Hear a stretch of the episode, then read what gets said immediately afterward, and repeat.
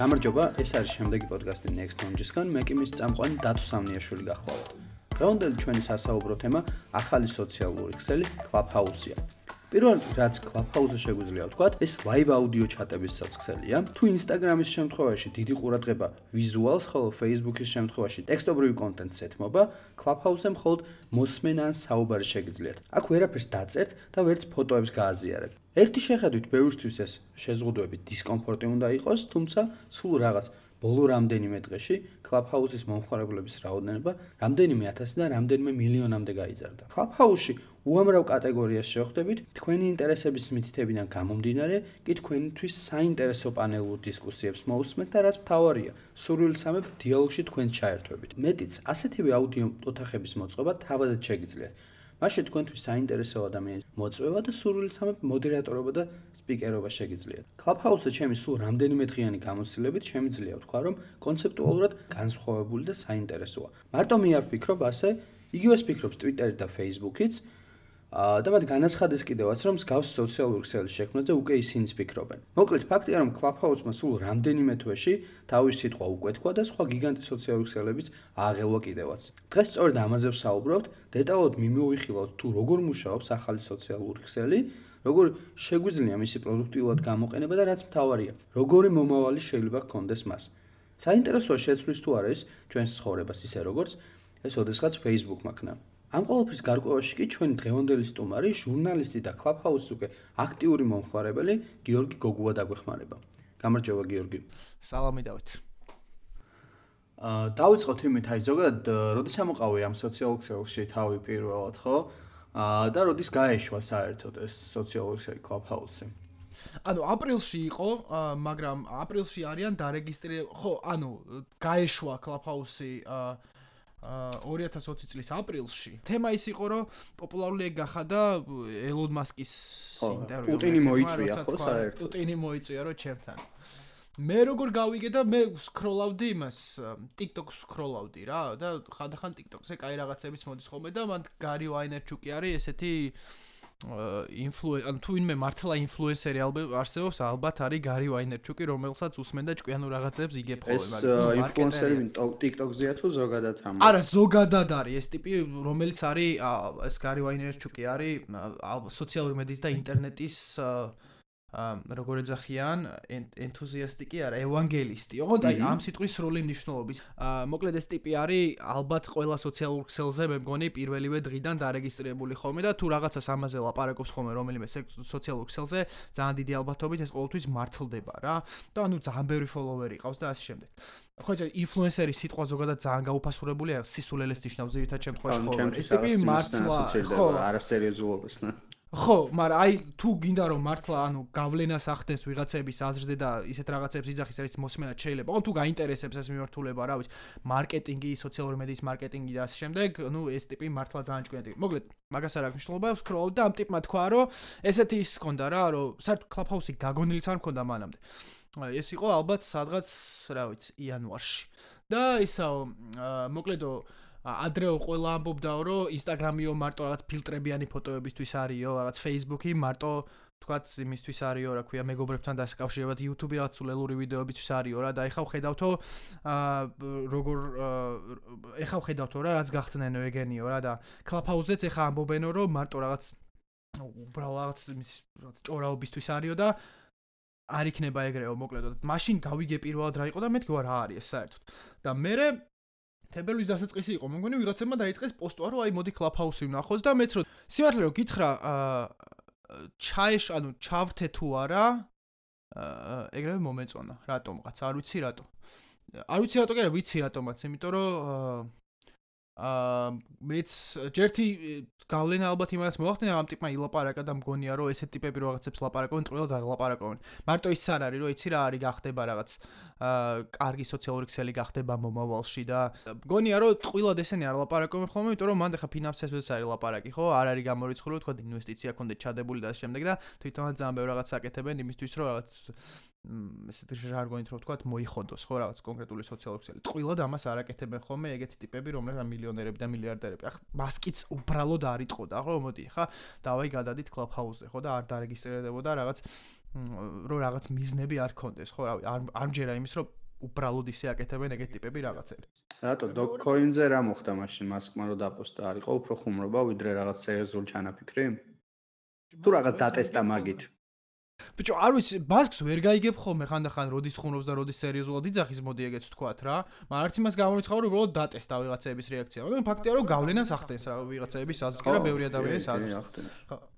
მაგრამ მე რატო დავინტერესდი, იცი რომ მე ვაფშე ზოგადად სოციალურ ქსელებს ვყურებ როგორც ამბის გავრცელების, ამბის თხრობის გზებს რა. Facebook-ი, Instagram-ი, YouTube-ი, რომლებიც ნუ უკვე ტრადიციულ მედიად ჩამოყალიბდა ამბის გავრცელებისთვის, ხო? ვიდეო, ნიუსი და ამ შემდეგ.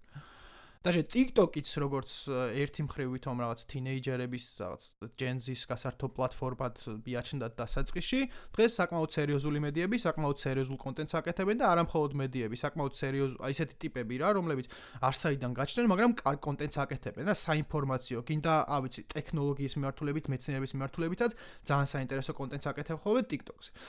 და Clubhouse-იც როცა დავინახე რაც ქონდა რომ მარტო voice იყო მიუხედავად იმისა რომ ცოტა უხერხულად ვიგზენი თავი იმიტომ რომ ძალიან შეუჩვეველია რომ სადღაც შედიხარ და კომენტარს ვერ წერ მაგალითად რა. ანუ ზაი წარმოდგენილი რაღაცა იყო რა თავიდან. მაგრამ მე პირველი რუმი რო გააკეთეს და შევედი პირველი რუმი იყო იმან მარკეტერ აკო ახალაიამ გააკეთა ეს პირველი რუმი რომ მოდი ვილაპარაკოთ უბრალოდ რა არის ესაო და მე შევედი იქ ვლაპარაკობდით ბევრი ვლაპარაკობდა მან და მან მიხვდი რომ შესაძლებელია ეს იყოს ძალიან კაი პლატფორმა, ალტერნატიული პლატფორმა, რაღაც საღი დისკუსიების წამოსაწყებად რა. ანუ რაღაცა ცოტა მოდერნიზებული, ანუ პოდკასტი ხო არის თქვა დააპდეიტებული რადიო, ხო? რადიო როგორც რაღაც ლაივ რეჟიმში მყოფი რაღაც ინფორმაციის გავრცელების საშუალება, რომელსაც უბრალოდ ან რომელსაც არ აქვს ინტერაქცია, ხო? პოდკასტი ამის დააპდეიტებული ვარიანტია, სადაც ანუ არის აუდიო audio on demand, ანუ აუდიო მოთხოვნით მეორენაირად როგორც ქვია, რომ არის რაღაცა ტექნიკურად იგივეა რაც რადიო, მაგრამ არის ინტერნეტში და სივრცეში დროში არ ხარ შეზღუდული, როცა გინდა სადაც გინდა ჩართავ და მოусმენ. ეს არის რაღაცა ამ ორის მიქსი, ეგეთი გამოვიდა, რომ კი არის ლაივში ერთი მხრივ, მაგრამ მეორე მხრივ გაქვს პირდაპირი წვდომა და ინტერაქცია იმასთან, რაც იქ ხდება. ნუ რადიო შეგიძლია ხო რა თქმა უნდა დარეკო და ჩაერთო. ხო ვიღაც არის ხო ეგეთი ფორმატები. მაგრამ აქ შეგიძლია პირდაპირ ინტერაქცია ქონდეს ტიპებთან და ეს დაიტესტა კიდე ძალიან კარგად. ანუ თვითონ კლუბჰაუსის დამფუძნებლები ძალიან კარგად აკეთებენ. ამას კვირაში ერთხელ ყოველ კვირას 10 საათზე ჩვენი დროით 10 საათზე აკეთებენ ხოლმე იმას რუმებს და ლაპარაკობენ კლუბჰაუსის შესახებ და პირდაპირ პასუხობენ ხოლმე შეკითხვებს ამ ადამიანებს აა ეგ ყველაფერი გასაგებია, მაგრამ მოდი რაღაც პირდაპირ აი ორი სიტყვით რო ვთქვა, ანუ შეიძლება ხებსმენელი იყოს, რომელსაც რომელიც ამწამს იგებს, ხო, ვაფშე რა არის ეს? სოციალურ ბევრი იქნება ეგეთი მსმენელი თან, იმიტომ რომ ხო, და ანუ აი რაღაც ორი სიტყვაც უთხრათ, მოდი მაშინ ბარემ რაზე ვლაპარაკოთ საერთოდ, ხო? ანუ რა არის ეს სოციალური ქსელი ამ თავარი ამოსავალი წერტილი? შენ რაღაც დონეზე უკვე ახსენე რომ მაგალითად ის რომ იქ არ შეგიძლია დაპოსტო, ხო? როგორც ასეთი არის რაღაც ხმის კონტენტია ხო რეალურად მარტო და არის რაღაც ლაივ პოდკასტები. ხო, ერთ წიადებაში რო ვთქვათ, აა აკერა, ო ზუსტად ორ სიტყვაში რო ვთქვათ, ეს არის აუდიო ფორუმი. ერთ წიადებაში რო ვთქვათ, ეს არის ფორუმი, როგორც ინფორმაციის გაცვლის საშუალება, ჩვეულებრივი ყველა ფორუმი როგორც არის, ანუ გავს ყველა ფორუმს ამ კუთხით, მაგრამ მხოლოდ ერთადერთი მედიუმი, რომელიც არის ინფორმაციის გაცვლისთვის, არის აუდიო. ეგ არის და ეგ, ეგ განასხვავებს სხვა ნებისმიერი პლატფორმისგან. ეგ არის ძალიან მოკლედ რო დავახასიათო. ეგ უნდა გკითხო სხვა შევერს, იმიტომ რომ აი რაღაც დონეზე სოციალური ქსელების თემა ხო იგივე მარკ ცუკერბერგმა რო გააკეთა თავის დროზე, ხო?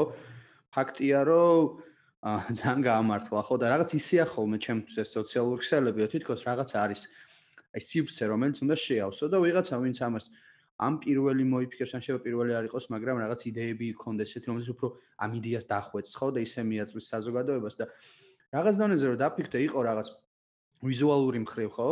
სოციალური ქსელები მაგალითად ინსტაგრამი არის ფეისბუქი ტვიტერი ან და რაღაც დონეზე მართლა მე როდესაც პირველად გავიგე მაგალითად Clubhouse აქტიურად ხო? და რომ მივხვდი რაც ხდებოდა გამიშდა ეგეთი რაღაც რომ აქამდე როგორ მოხდა ისე რომ არავინ არ გააკეთა რაღაც ესეთი მსგავსი სოციალური ქსელი იმიტომ რომ აი შენ თქვის არ იყოს ყველაფერი არის თითქოს რომ არჩევას და არ იყოს სიტყვაზე ესეთი ესეთი სოციალური ქსელი სადაც მართლა აი ხმის მომენტი იქნება ხო? აი არაფერი მსგავსი მე არ გამიგია აქამდე. შენ თუ იცი რამე სოციალური ქსელი? არა, არის სოციალური ქსელი როგორც ესეთი არ, მაგრამ ნუ პლატფორმები არის, მაგალითად Discord-ი, ხო? აი ძალიან ჩვეულებრივი სოციალური ქსელია ეგეც. Zoom-ი აიღე თუ კიდე რა, ანუ ეგეც ერთი მხრივ სოციალური ქსელია, ანუ სადაც კონკრეტული ბიზნესი შედიხარ. აი Discord-ი რო ავიღოთ მაგალითად, აი ზუსტად იგივეა რაღაც მომენტში, რაც არის Clubhouse-ი. ოღონდ ბევრად დახვეწილი ტექნიკურად, ბევრი ფუნქცია აქვს შეგნით და ასე შემდეგ რა. მაგრამ Discord-ი არის ჩამოყალიბებული არის როგორც კაი, ვინც არ იცის, რა Discord-ი არის ჩვეულებრივი ვებგვერდი, აპლიკაცია, სადაც შეგიძლია რომ ხმით ეკონტაქტო ადამიანებს, ასევე შეგიძლია თქვა გასტრიმო რაღაცეები, ვიდეოც გასტრიმო მაგალითად და ასე შემდეგ. ძალიან ხშირად ყოველს ხშირად ამას იყენებენ გეიმერები რა. მე თვითონაც ვიყენებ ხოლმე საღამოობით ჩემ მეგობრებთან ერთად ვთამაშობთ ხოლმე რაღაც Excel-ში თამაშს, ერთმანეთთან საკონტაქტოდ არ ვლაპარაკობთ, არა თამაშის ჩაშენებულ ხმით კი არ ვლაპარაკობთ, ვლაპარაკობთ Discord-ზე შევდივართ, გვაქვს ჩვენი ოთახი და იქ ვლაპარაკობთ ხოლმე, იმიტომ რომ იქ არის უკეთესი ხმა და ტექნიკურად გამართულია და ასე შემდეგ. გუშინ ცადე სხვათა შორის თურმე შეიძლება რომ იქ გასტრიმო კიდეც თამაშს რო თამაშო პირდაპირ Discord-ში გაუშვა ის თამაში ხედავს და ასე შემდეგ, მაგრამ ძალიან კაი სოციალური ქსელი არის ერთი მხრივ რა, ტექნიკურად ყველაფერი, მაგრამ აა რა რა არ აქვს მაგალითად აი ამ Clubhouse მე რა ჩემ მეცაც გეტყვი ანუ 100 ჯერ მეტი რაღაცა აქვს ისეთი რაც არ აქვს Clubhouse. Clubhouse-ი არის მაგასთან, ანუ იგივე Discord-თან შედავით არის აა პრიმიტიული პლატფორმა. მართლა, სულ სამი ფუნქცია აქვს რა. სამი გვერდი აქვს რეალურად. შედიხარ, ერთი არის შენი პროფილი, მეორე გვერდზე გადადიხარ და იქ ჩამოწერილი არის თქვა რა ივენთები არსებობს ან რა ივენთები იქნება მომავალში და მესამე არის სადაც შეიძლება რომ გაუგზავნო სხვებს მოსაწვევებს. იო, ეს სამი გვერდია. და პლუს არის ოთახი. შენელს გავშდება ხო შეკითხვა, მაშინ რა მინდა მან საერთოდ ან რატო ლაპარაკობთ ხო ამ სოციალურ ქსელზე? ჩემი აზრით, ყველაზე დიდი პლუსი, ანუ რა პლუსი რა ყველაზე მეტად რამაც რითაც მიიზიდა კლაფაუსმა ეს ადამიანები არის ზუსტად ეგ სიმარტივე და ხელმისაწვდომობა. მიღწევა რა. ანუ მან, ანუ შევადაროთ მაგალითად Facebook-ს რა, ანუ Facebook-ი არის ბაბლი. ანუ Clubhouse-იც ბაბლია, მაგრამ მაგას მოგვიანებით ბაბლია მანდაც რაღაც დონეზე, იმიტომ რომ უთითებ ის თუ რა ინტერესები გაქვს და ზუსტად იქიდან გამომდინარე იღებ ინფორმაციას. კი, კი, მაგას გვიან გეტყვი, მაგრამ ანუ რა, ანუ რატო ვამბობ, რომ აქ არ ხარ დაკავშირებული აა ერთ კონკრეტულ წრესთან. Facebook-ზე ხარ დაკავშირებული კონკრეტულ წრესთან, შენი მეგობრების წრესთან და Facebook-ის ალგორითმი გაწვდის იმის იქიდან გამომდინარე, რასაც თulis თვითონ რა გაინტერესებს შენ, გაწვდის ინფორმაციას. არა იმის მიხედვით რა გაქვს დალაიქებული და არა იმის მიხედვით ის მეგობარიც ხარ. უბრალოდ იქიდან კიდე რაღაცებს ფილტრავს და ძალიან დიდი ინფორმაციიდან ცოტას გაწვდის.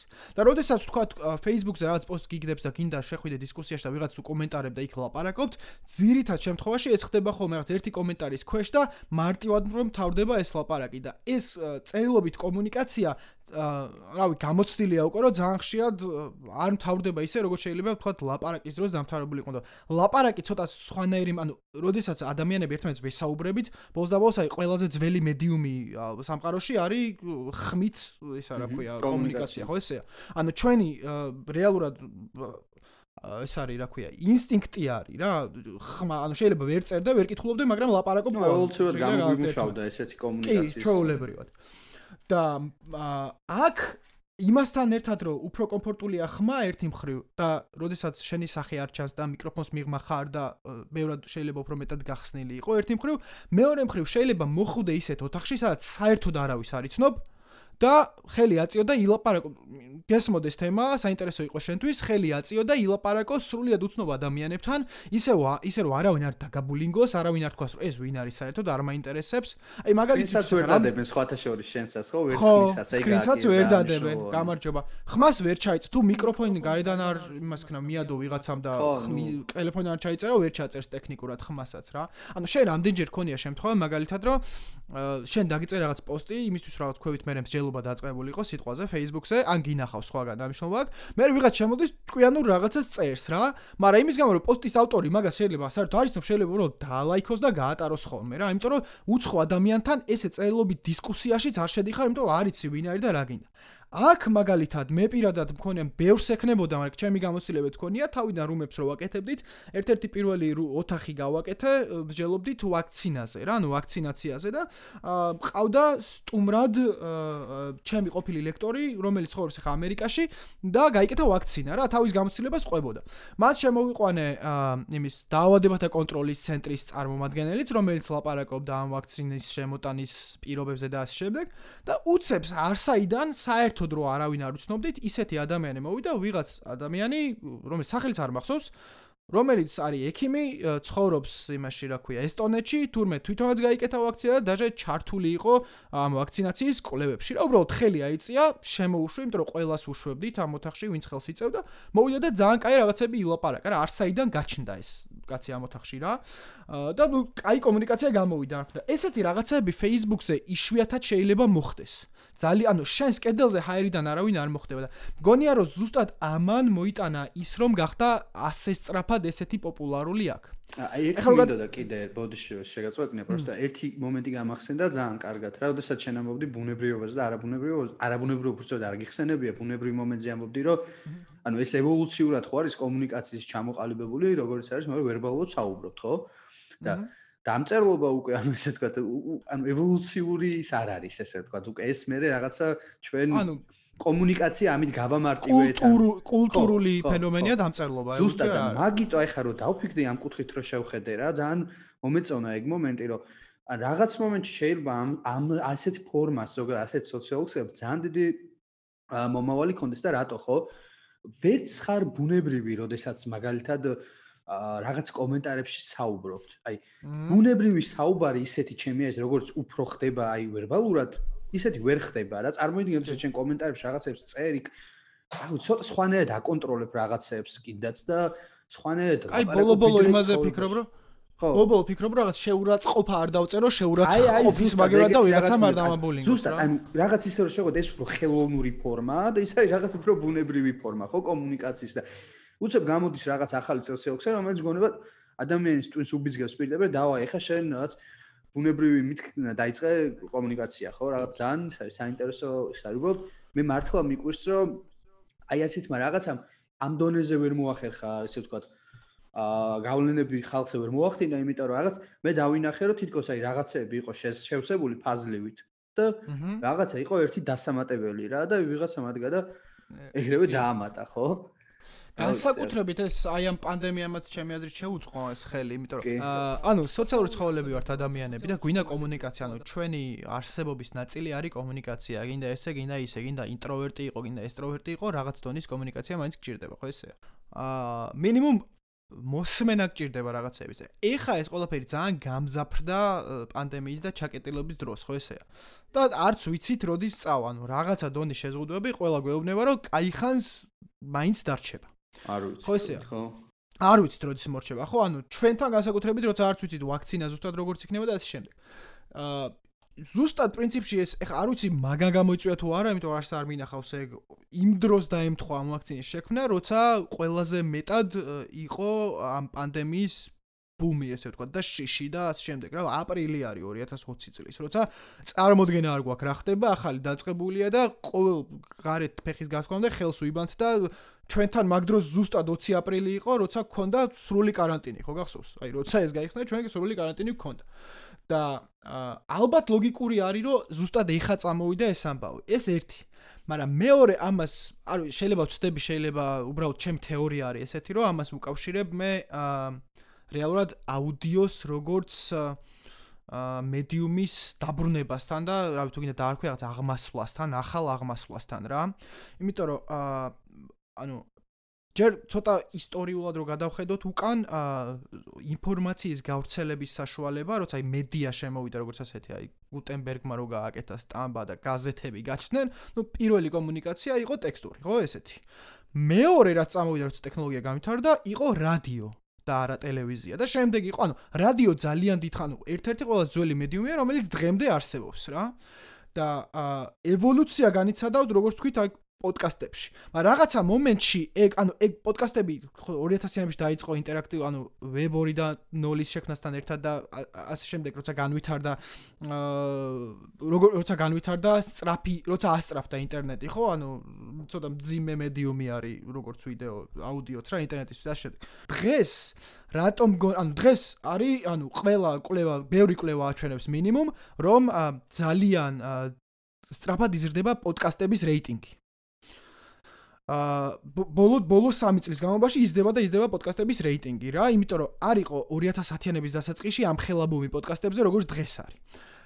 და ჩემი თეორია ერთ-ერთი ამის ის არის, რომ აა ჯერტი ხო ხელმისაწვდომი გახდა ბევრად მობილური ტელეფონები, ანუ ბევრად მეტი ხელმისაწვდომი გაჯეთი არსებობს, ვიდრე თუნდაც 5 წლის წინ ეს ერთი, მაგრამ მეორე თვითონ მოსმენა უფრო მარტივი, იმიტომ რომ ხელმისაწვდომი გარდა იმისა, რომ ტელეფონები გახდა, გახდა უკაბელო ყურსასმენებიც და მგონია რომ აი ზუსტად Bluetooth ყურსასმენები არის ამის ერთ-ერთი მნიშვნელოვანი მიზეზი რა. აი 5 წლის წინ Bluetooth ყურსასმენები ღირდა ძალიან ძვირი. შეიძლება არც გეოცნება იმაზე, რომ რაღაც საშუალო შემოსავლიან ტიპს გეყიდა. დღეს შეიძლება 15 დოლარად იყიდო ძალიან კაი ყურსასმენი Amazon-ზე, ან რაღაც ან საერთოდ 2 დოლარად გამოიწერო Alibaba-დან თუ მოინდომებ რა, 500 წალი გამოიწერო 500 დოლარად.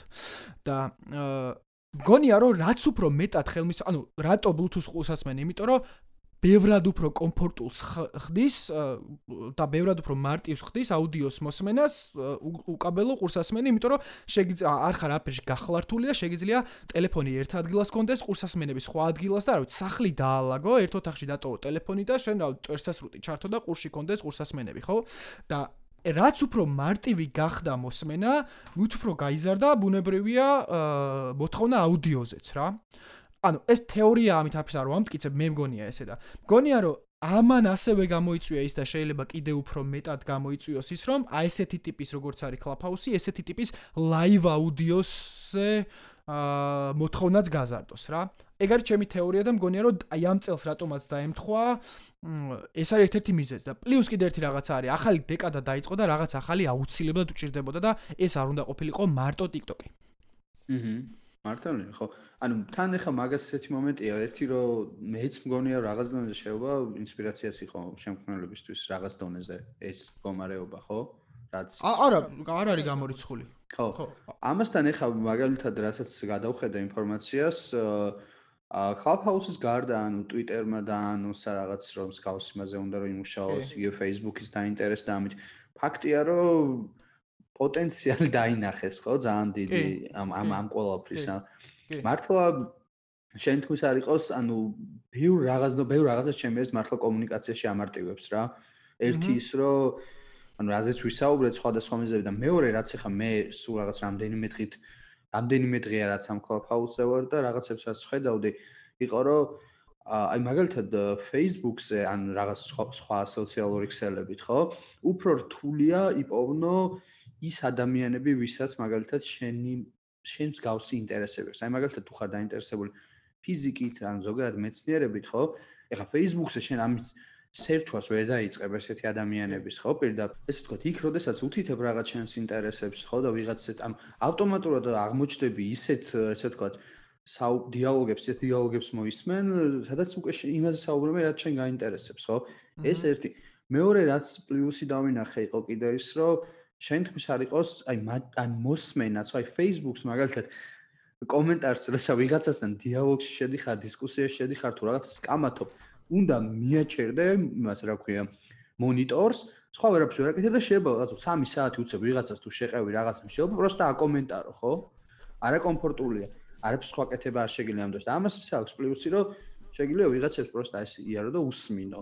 და ნებისმიერ შემო მანქანაში იჯდე და უბრალოდ მოусმინო და მათ შორის რაღაც ქუჩიდან ჩაერთო უბრალოდ ისე რომ უშუალოდ რაღაც ხელები არ დააკავო ხო? ეგ ეგაა ძალიან კიდე დიდი პლუსი ჩემს ეს რაც კომუნიკაციას მე მთავარი ერთიას დავინახე კიდე არის რომ კომუნიკაციას აჩქარებს ძალიან რა რაღაც დონეზე კი კი კი კი არ ელოდები კომენტარებს როდის დაგიწერს და აი მე თითებს არ იკვნიტავ რომ ეხლა რას მივასახებს მაგას? კი და აი ის ფენომენი რო არ იწერება ეგ ეგ ზოგადად ფსიქოლოგიური გამოწვევის მომენტი არ ვიცი ეგ რამდენად გამართლების რამდენად გამართლებს შეიძლება ბევრს ეგ პირიქით დისკომფორტს უქმნიდეს. მე მე მგონია რომ უნდა დაამატონ ჩაწერა. ნუ რა თქმა უნდა ნებართვებით და გასაგებია როცა რაღაცას იწერმით უმეტეს აუდიოს, იქ მოდერატორმა რაღაცა უნდა იყოს გასაფრთხილებელი. რატო იცი რომ ბიჭო, ლაივ რეჟიმი კი კაი არის, მაგრამ ნუ ეხა გამოცდილებამაც გვაჩვენა, რომ თავიდან ძალიან დიდი ბუმი იყო, თებერვლის პირველი ორი კვირა ძალიან ბუმი იყო და ეხა ტემპი დავარდა საკმაოდ.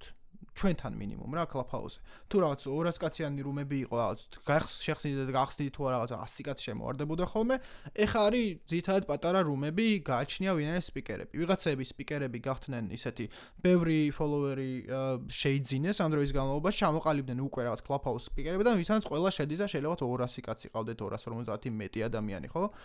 даже მეც ხა 1100 ფოლოვერი მყავს იდეაში რა, რაც დღევანდელი იმით კლუბჰაუსის იმით რა ქვია, რამდენი საერთოდ რამდენიც არის დაგისხები, საკმაოდ ბევრი არის. ჩემზე ორჯერ მეტი ყავთ ვიღაცეებს რეალურად რა, მაგრამ ხალხი ხა წლებია მაგალითად Facebook-ზე და 1000 რაღაც ფრენდი არ ყავთ ხო? ანუ შესაძლოა ხო, არა, ეგეც არა, კი, ნუ ეგრეც, ანუ რას ვამბობ, იცი რომ მე რო ეხა გავაკეთო 1100 ფოლოვერით მე რუმი, ვაფშე საერთოდ არ არის იმის გარანტია რომ 1100 კაცი შემო. ანუ თავიდან შეიძლება და 100 კაცი შემოსული იყო და იყო რაღაც რუმები რომ უბრალოდ გავაკეთე შემოვიდნენ, ეხა რაღაცას ვლაპარაკობ, ჩემო 30 კაცი. მოკლედ, იდეა ის არის რომ ტემპი დავარდა.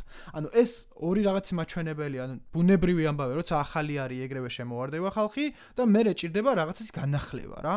მაგრამ ეხა იმაზე უნდა შევთანხმდეთ, რომ ტექნიკურად საკმაოდ გაუმართავი არის, ახალია, რა ვიცი, შეგვიძლია ჩავთვალოთ რაღაც ბეტა ვერსიაა ჯერჯერობით, იმიტომ ჯერთან iOS ესეც მინდა მაგას მოვაყოლებ ბარემ, რომ დღეს ჩვენ გვინდოდა ხო, რომ Clubhouse-ზე ქონოდა ეს პოდკასტი live რეჟიმში და არ მოგვეცა ამის საშუალება, იმიტომ რომ უბრალოდ უმიზეზოს სრულად გავუგებრათ დამბლოკა აკაუნთი როგორც მე ასევე თვითონ Nexon-ჯისაც დაუბლოკა და ანუ ეს რაღაცები გამიქრო გამიქრო ხო აი leftovers-ი გამახსენდა ხო იცი? სერიალი როა უცებრო უცებრო იღვეძებ და არ გაკიდეთ ხო ანუ რაღაცა ეგ მოხდა მე მგონი მაგ სოციალურ ქსელში თუ რაღაც რამდენიმე საათის წინ მოხდა ჯერ არ ვიცი რა არის ბოლომდე მიზეზი მაგრამ რაღაც შესვლა გადავწყვიტეთ და უცებ რაღაც აკაუნთები ფიზიკურად აღარ არსებობენ უმიზეზო და ეს სრულიად გაქრნენ და დარჩნენ სხვა მაგალითად ჩვენ დარჩი ხო?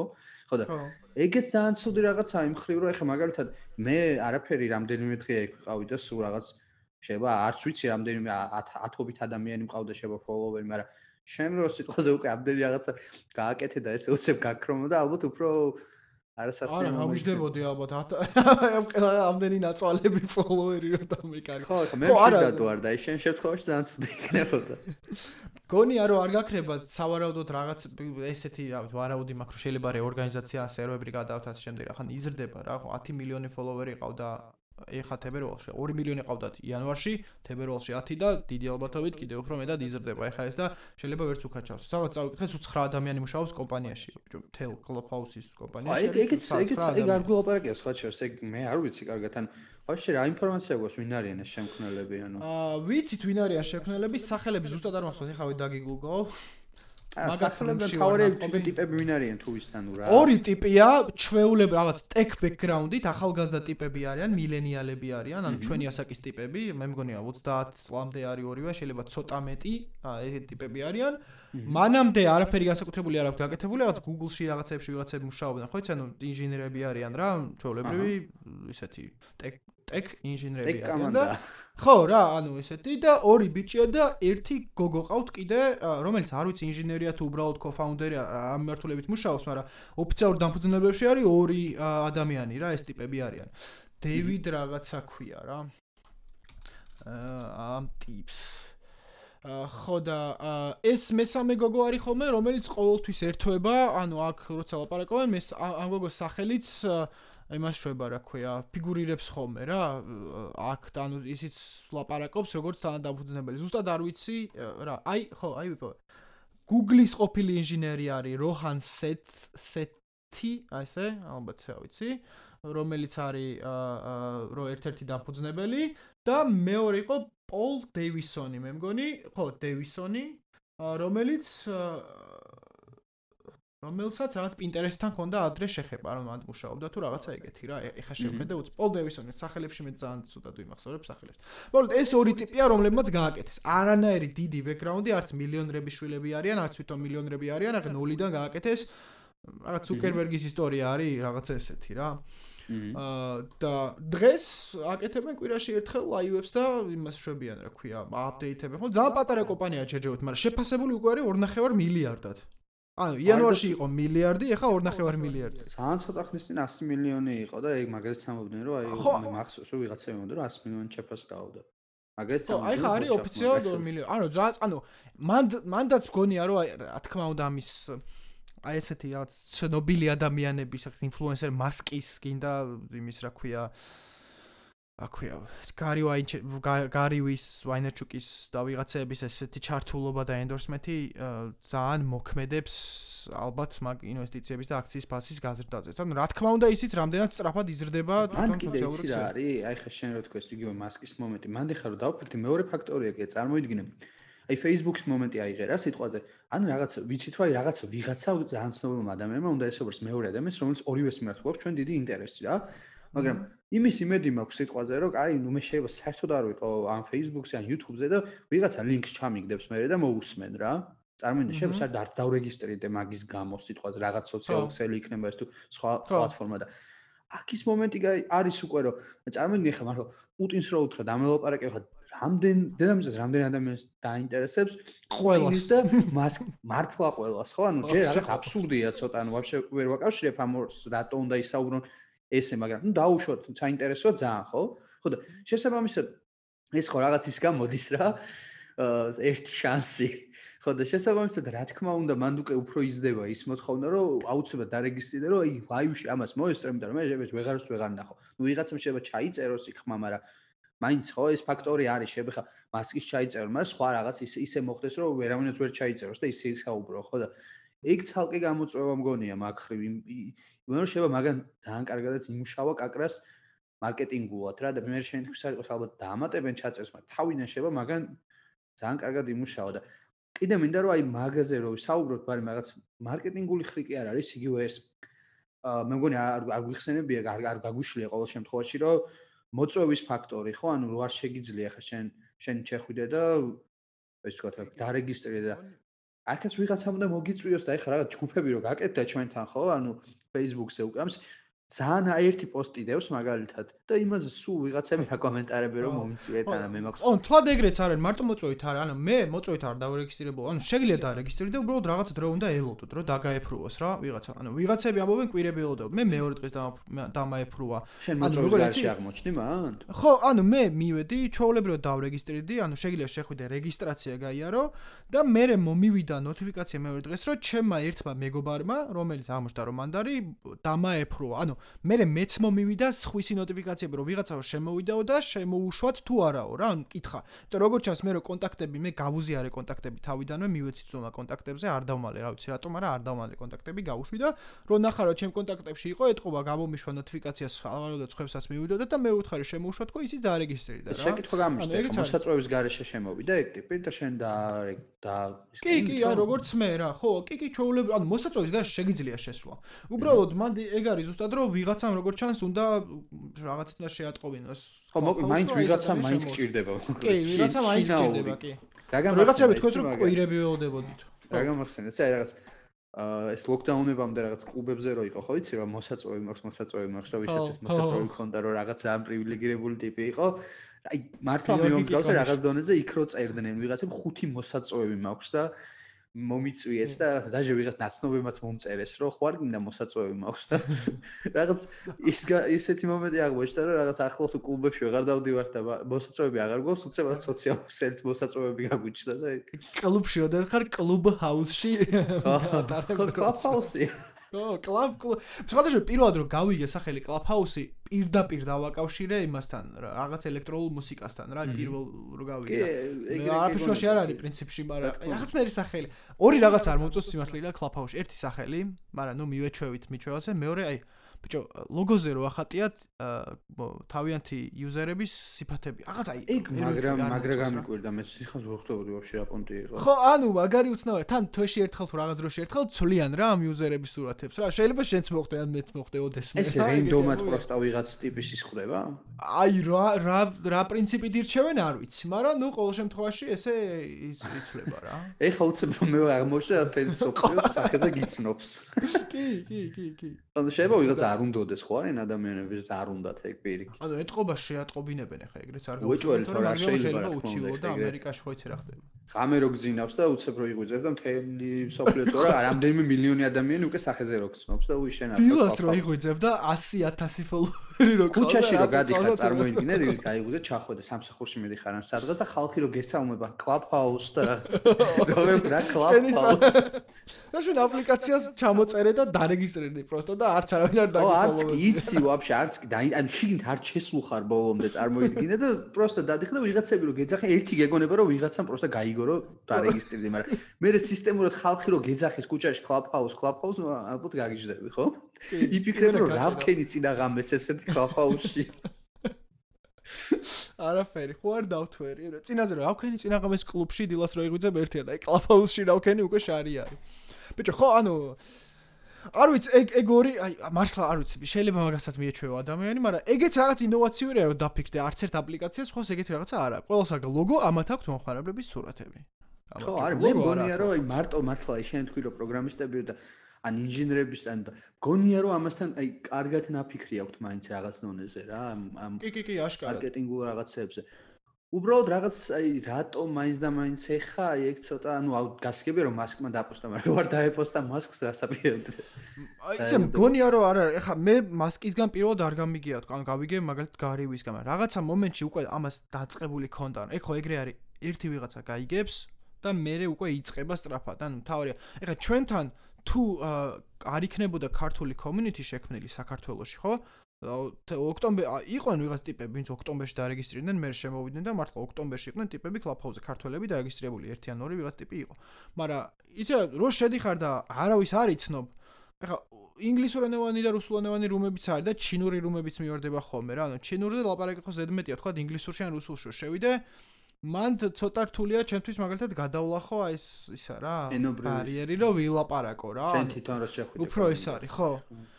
ალბათ ეგეც გადასახი და საჭიროც არის ალბათ რომ ეგ გააკეთო და ა კიდე ერთი პლუსი კლაფჰაუსი ეს არის რომ შეიძლება მართლა სრულიად უცხოელებში მოხვდე მაგრამ მაინც უფრო მეტად კომფორტულია როცა ამას იწებ რაღაც ისეთ ახლო წრეში რა ანუ ახლო წრეში ამ შემთხვევაში გული ხო ტიპებში ვისაც ესმის შენიანა და ვისიანა შენ გესმის რა და აა ერთი ორი ანუ აქაც ზუსტად ეგრე დაიწყო ჩვენთან. ერთმა კაცმა ორმა კაცმა სამმა დაპოსტა და როგორი 14-ში რო დავრე თუ 13-ში თუ თუ 14 ფებრუარს რო დამაეფროვა წინაზე შეცდომაში შეგიყვანე 13-ში გავგზავნე რეკვესტი 14-ში რო დამაეფროვა ანუ დავრეგისტრირდი ოფიციალურად.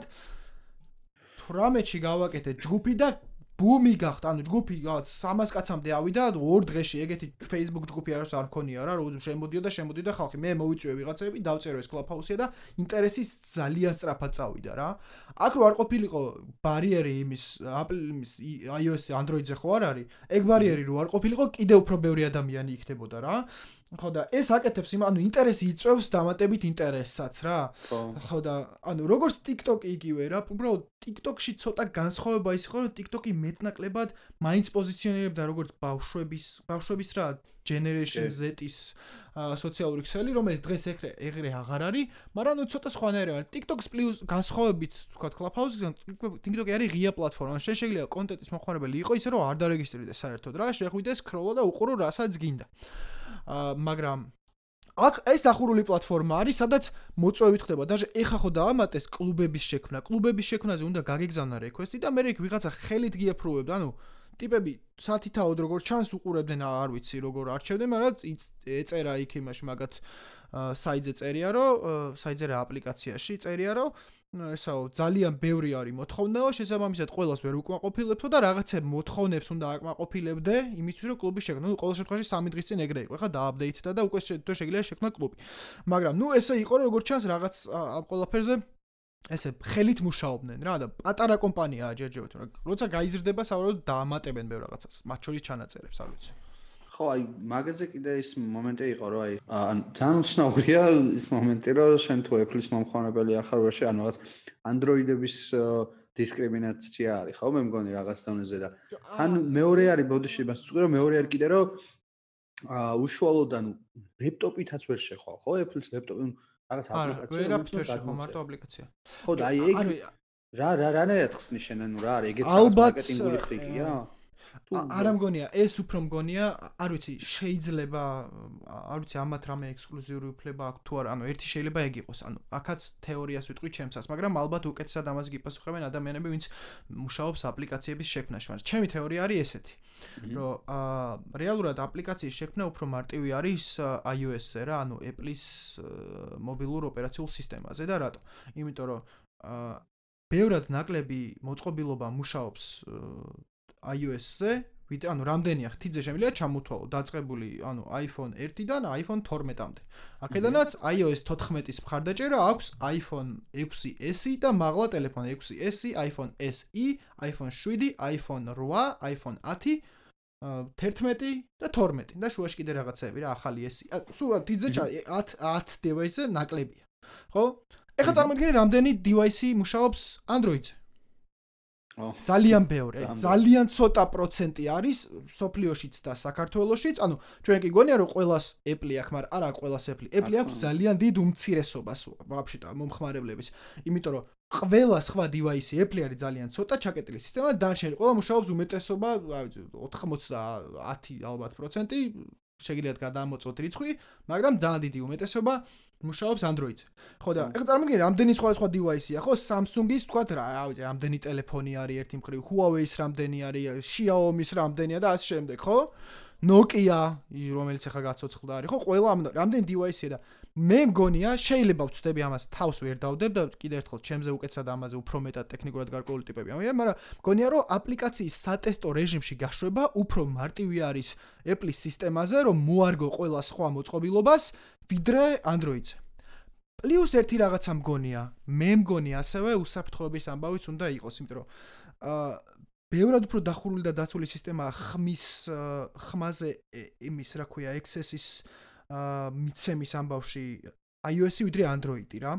მე მგონი ბოლო update-ზე ზუსტად არ მახსოვს მე მგონი ან 13-ზე ან 14-ზე სისტემა შემოიტანეს რომ იყო აპლიკაციები რომლებიც სად შეეძლოთ რაღაც რომ შენ ხმაზე ანუ მიკროფონზე წვდომა ქონდათ შენი დაშვების გარეშე რა და ეს ჩაკეტა რეალურად მოუსპეს ეს აპლიკაცია ანუ iOS-მა Apple-მა მოუსპო ეს ყველა აპლიკაციას მოუსპო ეს წვდომა და დაჟაღაც დრო მიცა მე მგონი შარშან 2019-ში მიცეს მე მგონი 2020 წლის თებერვალამდე ყველა აპლიკაციას ვადა აპდეიტისთვის რომ ეს რაღაცა პროტოკ ამ პროტოკოლს მორგებოდნენ, რომ რაღაცა წვდომა არ ქონოდათ მიკროფონზე ესე დაუშვებლად.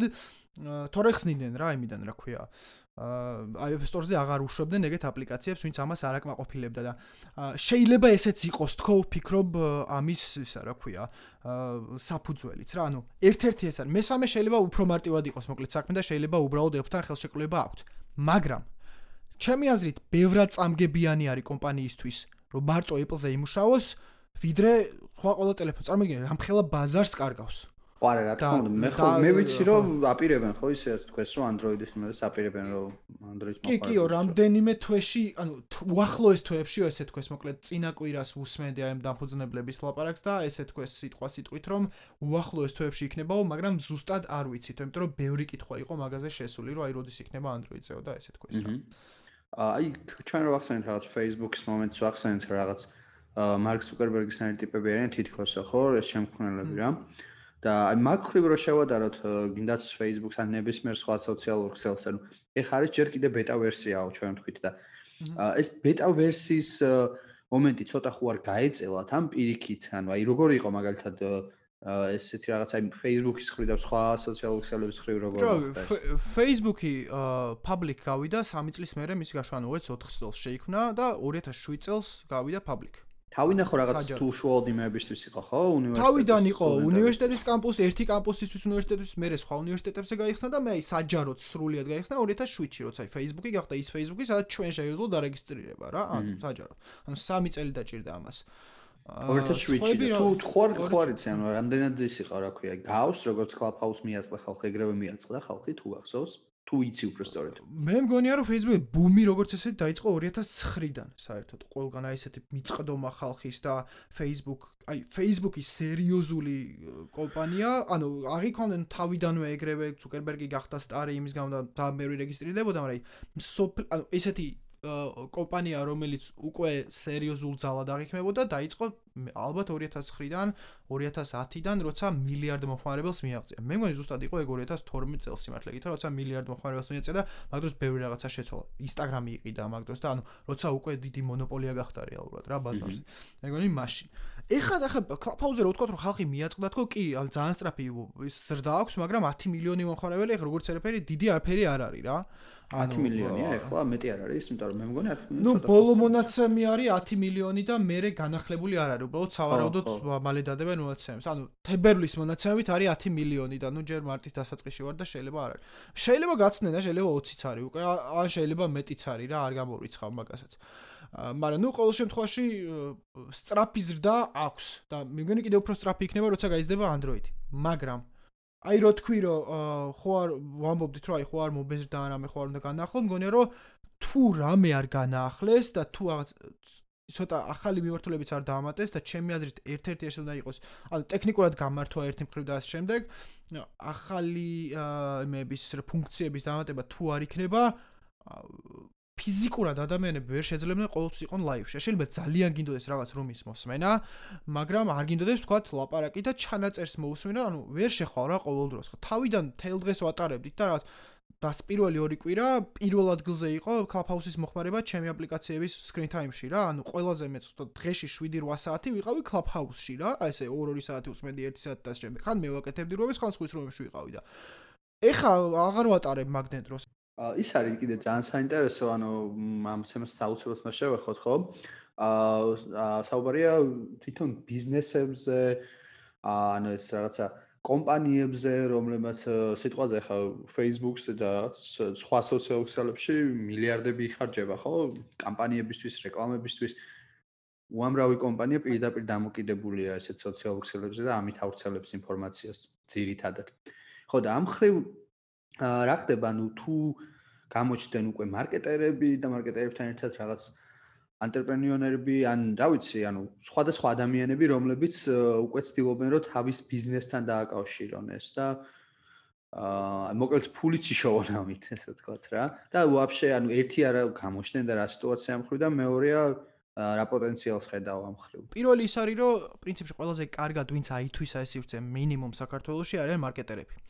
და აი უფრო აი სარეკლამო და მარკეტინგის ინდუსტრიის წარმომადგენლები, რომლებსაც ახლა შეხედა, ყველაზე მეტი ფოლოვერები მათ ყავთ, ну რამდენიმე ადამიანი არის, იქ მირიან ჯუღელი არის, იქ ბირმანი არის, მუსაკებურია, ანუ ყველაზე მეტი ფოლოვერი მე მგონი მაგათ ყავთ რა ვიღაც. ანუ არიან ვისაც რაღაც 2000 გადაცნე, 3000 უკაკუნებენ უკვე ფოლოვერებს რა და ძალიან აქტიურები არიან. და საერთოდ თავიდან რითაც დაიწყო, იყო აი მარკეტინგული ჯგუფები, ძალიან ისე ვიწრო სპეციალობა, ბევრ რაღაცას, ანუ საკმაოდ დიდი სერიოზული ჯგუფები იყო დღემდე იქნება რა და მგონია რომ მგონია რა ანუ ფაქტია რომ ყველაზე კარგად მარკეტერებმა აითვისეს ეს. აკო ახალაია იყო ერთ-ერთი ევანგელისტი ამ მარკეტ მარკეტერ ჯის დამფუძნებელი და დირექტორი აკო ახალაია იყო ერთ-ერთი ევანგელისტი ვაფშე იმის აა კლუბჰაუსის აქ და ადგა და ეხა სახელი შეიცვალა და მარკეტერ ჯი არის მისი პროფაილი ანუ აკო ახალაია აღარ არის რა ანუ და ძალიან ბევრი ფოლოვერი ყავს მასაც ხო და ეს თავისუფლად შეიძლება შეიცვალო სახელები?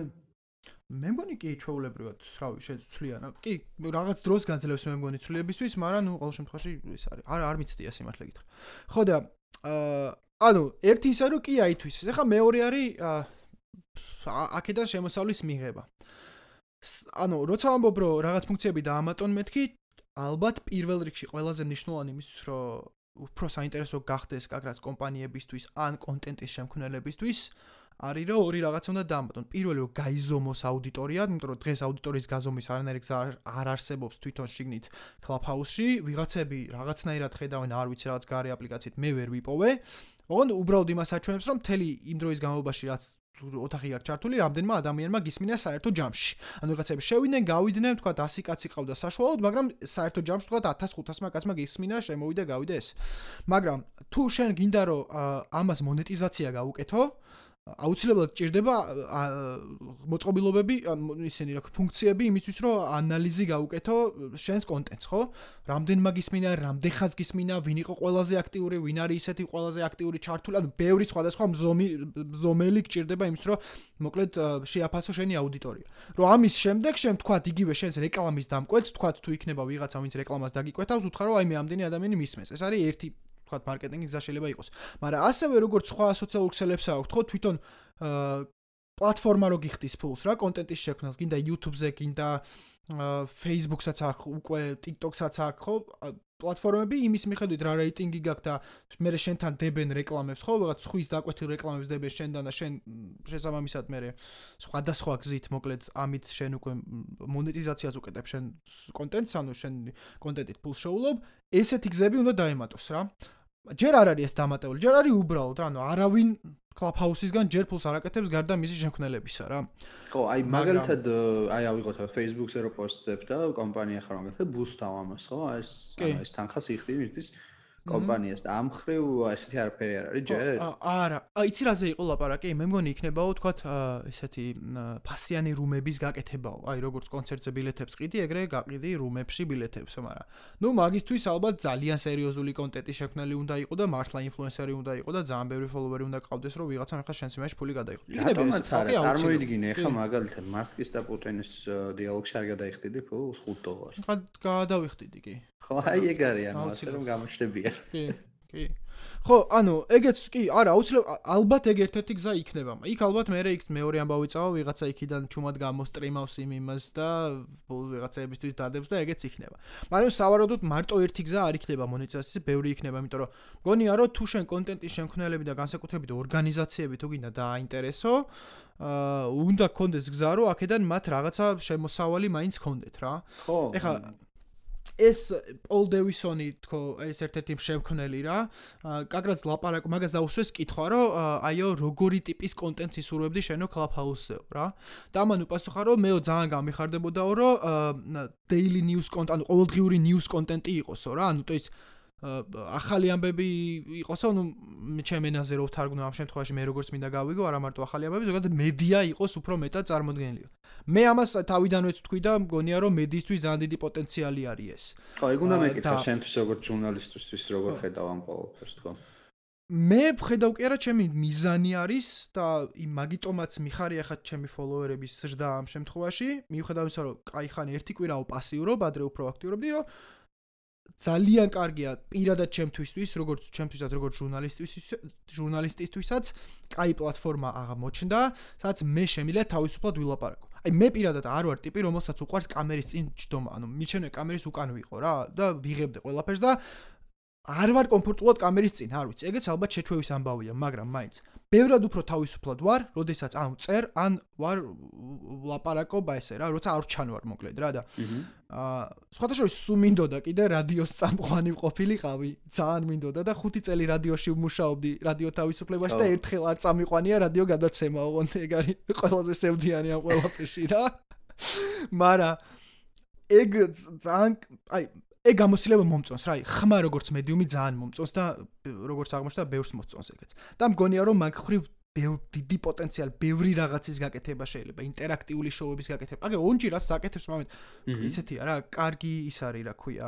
მაგალითია ეგეც. ბევრად მეტის გაკეთება შეიძლება კიდე როცა კიდე უფრო მეტად დაიხვეწება აქ შესაძლებლობები და მეტი ხალხი გამო. დღეს ძალიან მაინც რახან ბაბლია, ან ბუშტი არის ეს და ჩაკეტილი წრეა მარტო იმიტომ რომ მარტო iPhone-ის მოხმარებლები არიან და ძალიან ცოტა პროცენტი არის, მედია მაინც და მაინც ეფექტური ვერ იქნება. ანუ შენ თუ გინდა რომ მედი როგორც მედი ეფექტური იყო, უნდა მიწვდე ხალხს, ხო? ფართო მასებს უნდა მიწვდე შესაბამისად, სანამ Android-ი არ იქნება, მანამდე ვერ ვილაპარაკებთ, რომ ეხლა ჩვენ 200 კაციანი რომი გავაკეთოთ, ძალიან კაია, კი ბატონო, ვიღაც ისეთი მაგვისმენს, ვინც არ მოგვისმენდნენ სხვა შემთხვევაში, თქვა ჩვენი Facebook გვერდიც არ ქონდა დალაიქებული, მაგრამ ნუ რაღაც მასობრივ ეფექტურობაზე ლაპარაკი ზედმეტი აქვს. მაგრამ როცა გაიხსნება, ეგ იქნება ძალიან დიდი გამოწვევა. ირო დაგვირდი არც ერთი მედია თვითონ დარეგისტრირებული არ არის ჯერჯერობით. თან მეორე რაღაცა რა არის, იცი რომ კიდე ერთი საინტერესო კითხვა დაუსვეს ამ ტიპს, რომ შენ რა გირჩევნიაო, რომ ეს პროფაილები, აი ორგანიზაციების პროფაილებიც ხო არის იგივე, ანუ ONG, Next ONG რაც შეიძლება გქონდა და გაგიქრეს ხო? მედია იგივე ONG. ხო, მედი, ანუ რა გირჩევნიაო, რომ ანუ როგორი უნდა იყოს, ანუ მოსულაო, რომ ვთქვათ, ორგანიზაციებმაო თავიანთი პროფაილები გააკეთონო თუ პიროვნებებმა. ამან თქვა, რომ ახლა ჩვენ მაგას არ ზღუდავთო, მაგრამო ჩაფიქრებული არისო, როგორც პიროვნული, ანუ ჩვენ უფრო უფრო მივესალმებითო მოკლედო რომ პიროვნებებიო თვითონ რაღაც სპიკერები გაეზარდონ თავიანთი აუდიტორიაო და სპიკერების გავლით გველაპარაკონ ორგანიზაციები და არა პირიქითო რა. როგორც ანუ შენ როცა Facebook-ზე გაქვს page-ი გვერდი იმის რა ქვია შენი ორგანიზაციის და იქ პოსტავ შენ იქ ორგანიზაციის სახელით პოსტავ. მაგრამ ახლა წარმოიდგინე ეს იყოს პირიქით. მე მაქვს თქვა მე ვარ დათო სამნიაშვილი და აქვს კლუბი next on G-ს და ამ კლუბის ადმინი არის თვითონ და ყველაფერს სადაც next on G-ში ვინმე პოსტავს ეს არის დათო სამნიაშვილი. ანუ დათო სამნიაშვილი არის კომპანიის სახე და კომპანია არ არის დათო სამნიაშვილის სახე, ანუ პირიქით არ ხდება რა და ეს კონცეფტი ძალიან მომწონს სიმართლე გითხრა, იმიტომ რომ რაღაცა პიროვნებების, ანუ რაღაც პიროვნებ შენს ანუ შენ როგორც პიროვნებას უფრო მეტად წამოგწევს წინ. მაშინ როცა Facebook-მა საერთოდ უფრო მეტად მოკლა ეგ ამბავი რა, რეალურად უფრო მეტად რაღაც ორგანიზაცია რაღაც მასობრივი გახდა და უფრო რაღაც ორგანიზაციული გახდა. ცოტა ხა ფილოსოფიაში გადავეში ამ ხრივ, მაგრამ ნუ ყოველ შემთხვევაში ეგ მომწონს რა და. გონია რომ ამ ხრივ მოკლედ მედიის მიმართულებით ძალიან დიდი მომავალი აქვს, ბევრი რაღაც ნიუსის გაკეთება შეიძლება მარტო რა, რატომაც არ შეიძლება. ნიუსის გაკეთება და როგორ ხედავ ვიცი მე ხა რაღაც აი შორიდან წარმოვიდგინე. ა ნიუსთან ერთად შეიძლება არ შეიძლება რომ მაგალითად პირდაპირ ჩართვები იყოს, ოღონდ როგორც აი მაგალითად რაღაცა ისეთი სიტუაცია ხო რაც პირდაპირ არის გასაშუქებელი ან რაღაცა და აქცია. ხო, აი ზუსტად, აი მაგალითად ეხა როდესაც იქ ტელევიზორში რაღაცას ადამიანი დგას სიტყვაზე და შეიძლება კამერით დასდევ რაღაცა ბევრი ისეთი მომენტია აი რა შეიძლება დისკომფორტი იყოს, როდესაც შეიძლება პირდაპირ ადამიანი იყოს მოკლედ მან და კლუბჰაუსზე ჩართოს და პირდაპირ აშუქებდეს ამას, ხო? ანუ ძალიან თავისუფლად შეიძლება მაგის გატესტო ჩემი აზრით. ან მართლა აი მე ეგეთ მომავალსაც ხედავ აი ესეთ რაღაცებს და პირდაპირ ნებისმიერ ადგილას შეგიძლია ჩაერთო ხო უცე. კი. შეიძლება ვიღაცებმა საერთოდ რაღაც ისეთი ადგილებიდან ჩაერთონ ხოლმე მაგალითად რაც ჩუმად ჩაერთონ მაგალითად. აი წარმოიდგინე აი ძალიან მაგარი რაღაც ხარ ანუ თქვა ხარი ხოლმე პარალელურად რამდენიმე აქცია სხვა სხვა ქალაქში თბილისში ქუთაისში ბათუმში არის სამი აქცია. და აკლიკებ და რომელშია შედიხარ.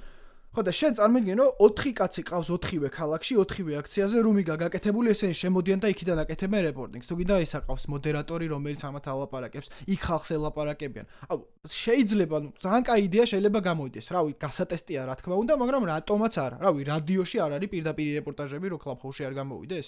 ნუ მაგასაც ალბათ სკილების გამომუშავება დაჭირდება რა იმიტომ რომ როგორც Facebook-მა ჩამოაყალიბა თქვა ვიდეო რეპორტინგის კონკრეტული მიმართულება იმიტომ რომ თავისი ალგორითმიდან და მის მისი მოხმარების იმიდან რა ქვია ჩვევებიდან გამომდინარე შექმნა რაღაც იგივე მოკლე ვიდეო კონცეფტი წარწერებით. ისევე შექმნის ესეც რაც რო გავა და ბევრი ტესტი იქნება რაღაცა კონკრეტულ რეპორტინგის და ამბის გაშუქების ახალ თუ არა რაღაცა მოდიფიცირებულ მიმართულებებს მაინც. იმიტომ რომ ახალი ხმაში არაფერი არ არის ეს იქნება ალბათ უფრო მეტად ფორმაში. აჰა ფორმაში ხო იმიტომ რომ რაღაც აა გეჩნდება რაღაც პლატფორმა, სადაც შეგიძლია რომ უცებ რაღაც და შენ ანუ შეიძლება გიცნობენ უკვე როგორც მაგალითად ადამიანს რომელიც ხარ ჟურნალისტი რომელიც მაგალითად აშუქებს ან ლექციებს, ან ლექცია რა შუაშია და აქციებს და ეგეთ რაღაცებს, ხო? და შესაბამისად შენგან უკვე რაღაც მაგდონალდზე ელოდებიან კიდევაც. ანუ ინდივიდუალური ჟურნალისტიკაც შეიძლება ამ რაღაც დონეზე წინ წამოწიოს, ხო? რაღაც ინდივიდუალური მეზრე ვსაუბრობთ. ჩემი ეს ჟურნალისტები შეიძლება ამ ხრივ ინდივიდუალურ დონეზე წამოწიოს. წინ არ ჭირდებოდეს მათთან ესე ვთქვათ ოპერატორი თავისი და უცებ რაღაც პირდაპირ მოგაწყვეტდეს ინფორმაციას ეს მნიშვნელოვანი ადგილებიდან სადაც გაინტერესებს ხო რაღაც ინფორმაცია რომ მიიღო. აუცი ეგ ეგ მე მგონია რომ კიდე მნიშვნელოვანი ფაქტორია ეგეც.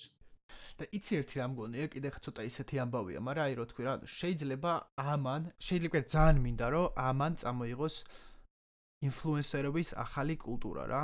ანუ ზოგადად ანუ ადამიანი რომელიც რაღაც ხვებზე ახდენს თავისი აზრით გავლენას, ახალი არ არის. ისტორიაში ყოველთვის არსებობდნენ სხვადასხვა ფილოსოფოსები და დაწყებული წერლებით დამთავრებული რა.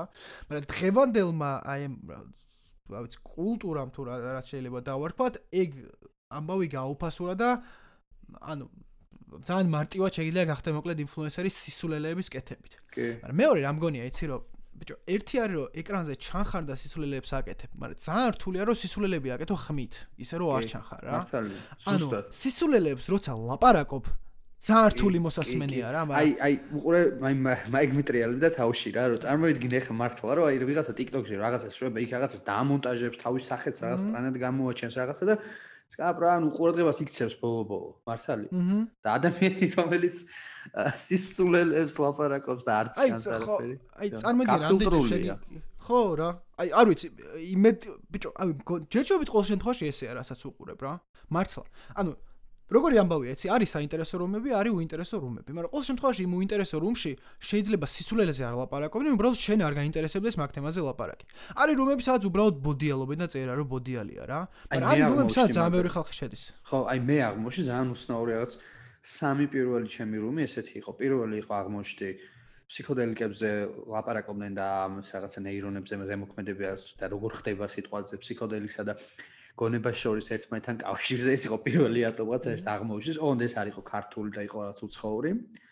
აა მეთქი, ანუ ცოტა ის არის თქო რა, ანუ კლუბჰაუსში და უცებ ეგრე უცხოურად ამ კუთხით რო ხვდები, გამიკვირდა ძალიან და გამოვედი. მეორე იყო მამუკა ხაზარაძესთან აღმოჩნდი უცებ სულეჩებ თხოვით და მამუკა ხაზარაძე ელაპარაკობდა ანაკლიაზე და მეთქი ცოტა ხანი მოუსვირე, მე აქ და გამოვიდა მესამე იყო ყველაზე მაგარი, იმიტომ რომ ერთი რაღაცა უცხოური რომელიც რაღაც ფსიქოდელიკებზე და ადამიანის ფსიქოლოგიაზე და მოკლეს რაღაცებს საუბარს, მე ეს რაღაცა ქართული რეალობა მამუკა ხაზარაძე ანაკლიაზე ლაპარაკობდა იქ ძალიან ბევრი ადამიანი უსმენდა ამას და მესამე იყო უცებ შევედი რაღაცა ოთახში და მე თუ არ მეშლება 8 თუ 9 ადამიანი იყო აქტიური რა, ანუ ერთმანეთთან საუბარ სპიკერები იყვნენ მე მგონი. და მე ვიყავი ერთადერთი ადამიანი, რომელიც ამას უყურებდა, ანუ ხელისაწევა მე შემეძლო და ესე საუბრობდნენ, ანუ დღემდე ვერ გავიგე რა ხდებოდა. ერთი ამბობდა მაგალითად რაღაც ციფრს. ხო. მე რამდენი წამში მეორე რაღაც ციფრს ამბობდა და ეს ერთი წუთის განმავლობაში უსმენდი ციფრებს ატრიალებდნენ პროსტა რა. იქნება თამაში იყო რაღაც. ალბათ თამაში იყო, უბრალოდ ვერ მივხვდი რა თამაში იყო, იმიტომ რომ 1 5 და ანუ არც იცინოდნენ, ანუ არც რაღაც ის მართლა არაფერი მომენტი არ იყო და მე მომინდა რომ დავრჩენილიყავ ის გავიგო რა ხდება და მეორე მომენტში კიდე თავი ვიგზენ ძალიან ზედმეტად, იმიტომ რომ შაბეჭება დამჭა რომ ვიღაც მეგობრების ოთახში შევედი და აი შეეშალ დახურული რომ უნდა გააკეთებინა ხო ალბათ იმიტომ რომ შეგზნება გამიშთა რომ ეხა მეტყვიან რომ ეს ვინ არიან იტყვიან ეს ვინ არის რაღაცა ეგრევე გამოვიდა რომ ძალიან დამაინტერესა რომ რა იყო ეს პროსტა რა 1 5 10 ანუ არაფერს არ არც ცინოდნენ პროსტა ეს ციფრებს ამოდენ ერთ წუთის განმავლობაში აუ შენ მოგეწონება მაგრად. მე და საბაჩი ხვალის ქონდა ერთი იდეა რომ კლაფაუში გვეთამაშა ჭადრაკი. წარმოიდგინე E4 და შენ იქ და E5 ხო არა მაგარია და ვიღაცები რო გისმენენ ხო? წავი რა დაფაზ დაშაულეთ დაალოგონს გაშლილი რო აქ და წავი რა მაგარი გამოცდილება არის ოღონდ ოღონდ აი ძალიან ტასკა იქნება მაგრამ წავი მაგნუს კარლსენი და რავი. ესა რა ქვია არ ვიცი ჰიკარუ ნაკამურა რო თამაშობენ ჭადრაკს კლაფჰაუსში რა. მე გავშლი დაფაზ და ვითამაშებ ოღონდ მართლა გადა. ოღონდ ბლიცი არის თამაშობ თავარია ცოტა გზელი თამაში ხო უეჭველი ხო და არ ვიცი ცოტა ის სტრანდი რაღაც იქნება მაგრამ რავი ზეპირად ხო თამაშობენ ჭადრაკს რა? კი როგორ არ თამაშობენ. blindfolded ჭადრაკს. მაგრამ შეუძლეთ არც ითამაშონ კაცო ზეპირად დაფა დადონ ხო არა დაფას დაიდებენ და ერთმანეთს გაუშვებენ. ხო და თან ინტერაქციის მომენტი თუ იქნება იქ ვაფშე სიგიჟე იქნება ანუ ცოტა კლასიკურ ჭადრაკიდან წარმოუდგენელი ეგეთი რაღაც ამ ორი მოჭადრაკე რო თამაშობს და ვიღაც ხელს რო იცეს ხო და რა ეუბნება რომ ეს არის უკაცრავად 4 რატო არის თამაში და იმ ხედავდი რომ ეს სულ უკეთესი იყო. ხო ეგ ანუ რეალურად ხა ეს ცოტა აბსურდულია, მაგრამ ბევრი ესეთი რაღაც შეიძლება გააჩინოს ამ სოციალურ მეხსოვნა, ეგეც მომწონს რა, რადგან რაღაც დონეზე კონცეპტუალურად ახალია იდეის დონეზე რა. ბევრი საშუალებას იძლევა. ხო, უცნაური რაღაცები შეიძლება გააჩინოს და რა ვიცი, ანუ ვინ წარმოიდგენდა გინდაც წლების წინ რაღაც აი ესეთი სახის ინფლუენსერები იქნებოდა როგორც დღეს არიან, ხო და ბევრი მართლა ხო არ ვითამაშოთ ჭადრაკიე. მაგაში. აი თუ დამაბრუნა კლუბჰაუსმა ოდესმე. შეგვიძლია მაგ ეგ იქნება იდეაში მინდოდა რომ პირველი ყოფილიყო კლუბჰაუსში კლუბჰაუსზე მესაუბრა მაგრამ შეიძლება იყოს პირველი ჭადრაგები თამაში კლუბჰაუსში ხო რაღაც რაღაცნაირად შეიძლება დაემსგავსოს კიდე პოდკასტის პლატფორმებს, მაგრამ განასხვავებს ალბათ უფრო მეტად ის, რომ ეს ინტერაქცია აქვს რა. იმიტომ რომ ჩანაწერი თუ არ იქნება, ვერ წარმომიდგენია განვითარება, ოღონდ მართლა, იმიტომ რომ პროსტო პროსტო აღარ შევა ხალხ, აღარ შევა, მობეზრდება ხალხს, შანსი არ არის. ხო არა, მე უბრალოდ დავინახე მარკეტინგული მარკეტინგულ ხრიკად დავინახე იმ ხრივ რომ ეს აი რო ვთქვი რომ მაგალითად რო გაქვს რო რაღაც მომენტი რო არის რომ შენ თუ იმ მომენტში არ იყავი ამ სოციალურ ქსელში რომ ეს ესე ვთქვათ გაგემაზება, ხო? კი შენ სულსო დარეგისტრირდე. შეიძლება აი ამით манипулиრებენ, არ ვიცი და დროთა განმავლობაში დარეგისტრირებს ხალხი, მე უკვე ჩანაწერის მომენტსაც გააჩენენ, იმიტომ რომ ხო ერთია ხო ეხლა როგორც ადრე თქვი რაღაც ვიდეოს ელოდები და იცი რომ სულაც ვარ დაიქცე სადღაც ლინკს ჩაგიგდებენ მე მაგას ხო? სხვა ვაფშე სხვა პლატფორმებში და აქ ეგრო არ არის. იწოს ეგრევე იმას რომ ავტომატურად დარეგისტრირდე და მე სხვას ვთქვა რომ მიდი ბიჭო დარეგისტრირდე უჩვე ლინკის იქნება სიტყვაზე დაანონსებული რა. იმედია წამოვლენ ხო აი ნელა ალბათ შეგვიძლია დასრულისკენაც წავიდეთ. და აი რაღაც აი შემეცნებით იმაზე რომ ფაქტიოდ ახლა მაღაზიები საუბრობთ ხო როგორ ფილტრავს ან გაფილტრავს ნაკლებად საინტერესო იმას ხო? აი ინფორმაციას, იმიტომ რომ ეს მართლა ხმაზია და შენ ახლა ვიზუალური ფაქტორები და რაღაცებით ესე ვთქვათ ადამიანი ვერ მოგხიბლავს ხო? რაღაც მართლა თუ შენთვის საინტერესოს არ საუბრობს ან თუ არ თამაშობს არ ვიცი მე როგორც იმ ოთახში ყავი და ეს თამაში არ გინდა შეც ანუ არ მოусმენ უბრალოდ რა და ამ ხრი მგონია რომ ბევრ ადამიანს შეიძლება მიეცეს საშუალება რომ ანუ საინტერესო ინფორმაცია მართლა საინტერესო ინფორმაციაზე ინფორმაციის გავრცელება მოახდინოს და ამით პოზიციონირდეს ერთი ეგ და მეორე მგონია რომ შემეცნების კუთხითაც ძალიან მნიშვნელოვანი იქნება რა ადამიანისთვის თუ ეს ყველაფერი განვითარდა იმიტომ რომ თუ გაქვს მითითებული მაგალითად რაღაც შე გაინტერესებს ისე რაღაც ნანოტექნოლოგიები ან მაგალითად რა ინტერესებს კვანტური მექანიკა ხო ძალიან მარტივია ალბათ ხო რაღაცნაირად მითითებული იყოს და სადღაც აუცილებლად წააწყდები ესეთ დიალოგებს და თავისუფლად შეგიძლია რომ მოусმინე როგორც სპეციალისტებს მე რაღაც იქ შეკითხვა დასვა და რაღაც რო გაინტერესებს იმაზე ეგრევე მიიღო ორი სიტყვით ხო რაღაც პასუხი რავი რას ფიქრობ შემაგეზე ოი ხარ რას მივხვდი იცი ვინ მინდა აი ნამდვილად ვინ მინდა რომ კლაფაუზე მოვიდეს და რომები აკეთოს? ნილ დეგრას ტაისონი ხო, ნუ აი ნილ დეგრას ტაისონი მინდა რომ იყოს კლაფაუზე და სავარაუდოდ იქნება. ეგ არის ყველაზე კაი მოკალაპარაკი ადამიანი. პოდკასტიც აქვს მაგარი და ხო ძალიან ხო ხო მაგარი სასტიპი არის აი ქსიამონებს რო უსმენ რა. კი, ხმავს განსაკუთრებულად თან ისეთი რომ აი რო კი. ჩემი საყვარელი კომენტარი იყო მაგის YouTube-ზე რომ აი ნეტა ჩემი ფიზიკის მასწავლებელი შენერ ჩემი ფიზიკის მასწავლებელს შენერად ლაპარაკი რო ცოდნა დღეს რაკეტებს ავაწყობდიო რა. ანუ მართლა ეგეთი ტიპი არის წარმოიდი რომ მოусმინო ეგეთი. და აქვს მოკლედ მაგის პოტენციალი რომ სავარაუდოდ რა ხან აუ იგივე მასკია შემოსახე მასკის ყოველკვირეული შოუ ეჭვეპარება რომ მოხდეს როგორც ესეთი რა მაგრამ ნილ დეგრას ტაისონი ძალიანაც შესაძლებელია და ეგეთი ტიპები შემოვიდნენ და ილაპარაკო ხოლმე რა და წავიდე ლაივში რომ ამას უსმენ და იცი რომ ვაფშე სხვა შეგზნება მართლა სხვა შეგზნებაა რა. ეხლა მიუხედავად იმისა რომ მე შეიძლება და მამუკა ხაზარაძის მაგალითად რომ იყო დიდად არ მომესმინდა ცალკე რა რო ვიცი YouTube-ზეა ვიდეო რა მამუკა ხაზარაძის რაღაც მაგრამ ის მომენტი ჩემ შემთხვევაში მო ფსიქოლოგიური მომენტი რომ უცებ ჩავერთე რომ ლაივში უსმენდი ამას აი ჩემზე იმოქმედა მაგან რა ანუ უფრო აჩენს ინტერესს ხო ადამიანს ხა ის. დაჟე Facebook ლაივში არ უყურებ ისე ვიღაცას როგორც იქ მოусმენ ლაივში რა.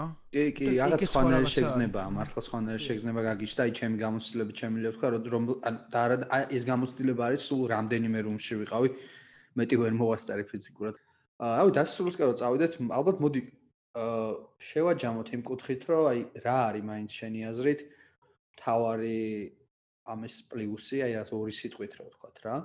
იდეაში სულ ამაზე ვაპარაკო თელ პოდკასტი, მაგრამ ორი სიტყვით ვთქვათ რა არის მაინც თავარი და რა სელდები ახლო მომავალში ამ სოციალური ქსელისგან და არა მარტო ამ სოციალური ქსელისგან თუ რაღაც წამოვიდეს ეს ტენდენცია შევა ბევრმა ხო, რაღაც Facebook-მა, Twitter-მან კიდე რაღაცები გამოჩნდეს ხო კონკურენტები და როგორ წარმოგიდგენია ეს? ახლო მომავალი მოდი თქვა, ხო?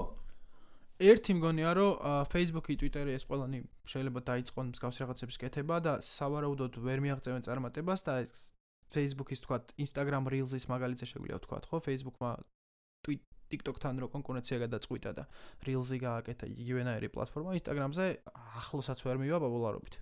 ეს ერთი. არც კი გამიგია მაგას. არც ხო, ანუ ეგ არის, ცალკე დამატება არის Instagram-ის, სადაც ზუსტად იგივენაირად პრინციპით ხდება ვიდეოები. მაგრამ მეორე ის არის, რომ გარდა ის, რომ არ შეიძლება გამოვიდეს, მაგრამ არ მინდა რომ გამოვიდეთ, იმიტომ რომ ძალიან უკვე Facebook-ს ზია ძალიან ბევრი ამაზე აქვს მონოპოლია რა. მონოპოლიის ფაქტორი, კი, კი. ხო და მინდა რომ ბევრი სხვადასხვა, ანუ მინდა რომ წაართვან ერთმანეთს ეს რა ქვია, დრო და იუზერები რა. აი როგორც მე დღეს ორჯერ მე დროს ვატარებ Clubhouse-ზე ვიდრე Facebook-ზე, მინდა რომ ეგრე იყოს. განაიმედა რომ Facebook-ს ვერ ჩირამეს. Facebook-ზეც საკმაოდ დროს ვატარებ რა, ჩემი პროფესიის ნაწილია ეგ.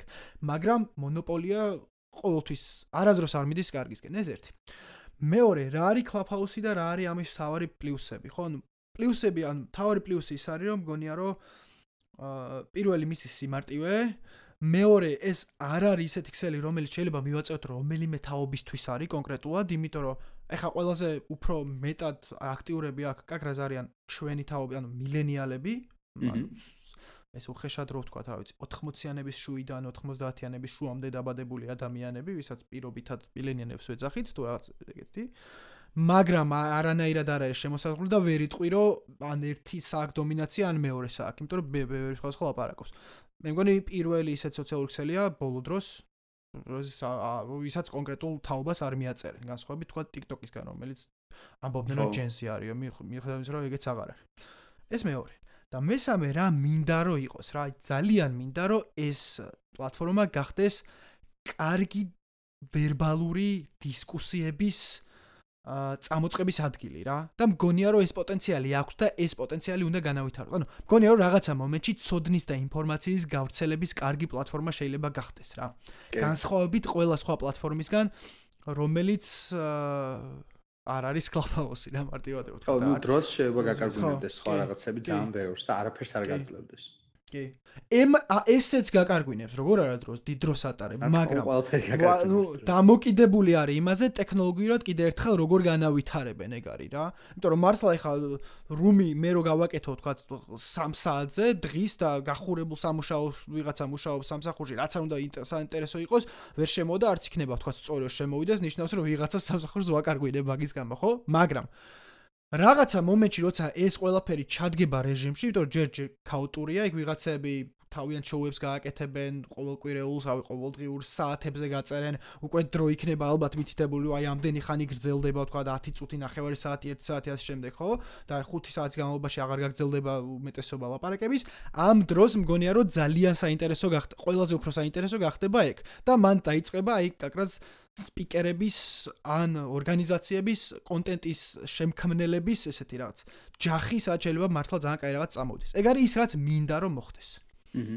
ხო და ნუ მე მგონია კიდე ერთი მაგას დავამატებდი, თუმცა რაღაც დაკავშირებული რაგრას იმასთან რომ ეს აა შემეცნებითი კუთხით, ანუ ის რომ ადამიანები მაგალითად რომლებსაც აქვთ რაღაც დონეზე ინფორმაცია, მაგრამ შეიძლება არა აქვთ ესე ვთქვათ საშუალებები, რითაც ამ ინფორმაციას საზოგადოებას თუ სხვადასხვა ადამიანები ამ ინფორმ ამ თემით დაინტერესებულ ადამიანებს მიაწვდიან, ამით ეძლევათ საშუალება, ხო? შენ შეიძლება კონდეს რაღაცა კონკრეტული ცოდნა, რაღაცა ინტერესები გინდათ არ იყო პროფესიონალი, მაგრამ კონდეს საკმაოდ კარგი ცოდნა ხო ამის და ამით გეძლევა პირდაპირ საშუალება, რომ იგივე თემებით დაინტერესებული ადამიანებს ესაუბრონ მოაწყო რუმები მაგალითად ან თვითონ შენ იყო სპიკერი ხო? ეგ ეგ ძალიან ისეთი რაღაცაა რა მნიშვნელოვანი. კი. ა ერთ ბოლო რაღაცას ვიღე გამახსენდა რა. ბევრი არის скеპტიკურად განწყობილი. თავიდანვე იყო ბევრი скеპტიკურად განწყობილი, აი ნახეთ ორ კვირაში მორჩება ეს. გავიდა ერთი თვე შენელდა ტემპი და ეხა იძახიან რომ აი ხედავთ ვამბობდით ამას. აა და მანდ მინდა ვთქვა ეგეთი რაღაცა რა რომ კი შენელდა ტემპი, მაგრამ ძალიან საინტერესო მომენტი დგება ზუსტად ეხა რა. თავიდან როცა ქაუტური არის, შედიხარ, ყოველას უნდა რომი გააკეთოს, ყოველას უნდა ყველგან შევიდეს, ყველა მოისმენოს. თავიდან ცოტა ისეთიც მქონდა რა, რამდენი რომიც ამოვარდებოდა, იმდენში შესვლა მიდოდა, რომ აი რამეს ხო არ მასავ რა. მაგრამ ეს პლატფორმა რახან არის აგებული, აგებული ძალიან პირდაპირ არის კონტენტის შექმნაზე, გავრცელებაზე და მიღებაზე. Facebook-ი არ არის ესეთ. Facebook-ზე დაწერე პოსტი, რავი, არავის არ აინტერესებს, შენთვის დაწერ, რასაც გინდა დადე ფოტოს. Instagram-ზეც ასევე, ხო? აა აი ესეთი აი YouTuber-ი რატო არის ბევრად უფრო ცოტა ვიდრე Facebook-ის მომხმარებელი? იმიტომ რომ YouTube-იც ასევე კონტენტის გავრცელებისთვის არსებობს. ესეც არის დაახლოებით იგივე რაღაც, რომ კონტენტი უნდა გავრცელო. კონტენტის შექმნელი ყოველთვის უფრო ცოტა არის ვიდრე მისი მიმღები. ესე იგი, ანუ ყოველას არც უნდა და არც ჭირდება, რომ კონტენტი შექმნას.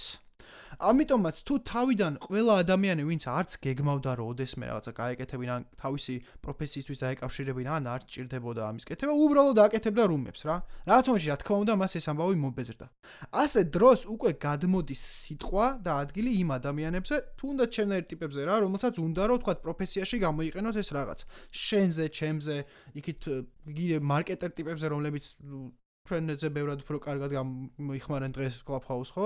მედიებზე, ორგანიზაციებზე, რომლებმაც რომლებსაც შეუძლიათ კონტენტის კეთება, აქვთ რაღაცა სათქმელი და შეუძლიათ წამოწიონ დისკუსიები. შესაბამისად არიან აქტიური მომხმარებლები და პასიური მომხმარებლები რა. მაგრამ ამ შემთხვევაში Clubhouse აქვს საშუალო მომხმარებლებიც, ან აქტიური არის ვინც კონტენტს ქმნის, პასიური არის რომელიც არ ქმნის და არც ერთვება, მაგრამ საშუალო არის ტიპი რომელიც შედის რუმებში და ხელსაც იწევს და ლაპარაკობს კიდეც, მაგრამ თავის რუმებს არ აკეთებს რა.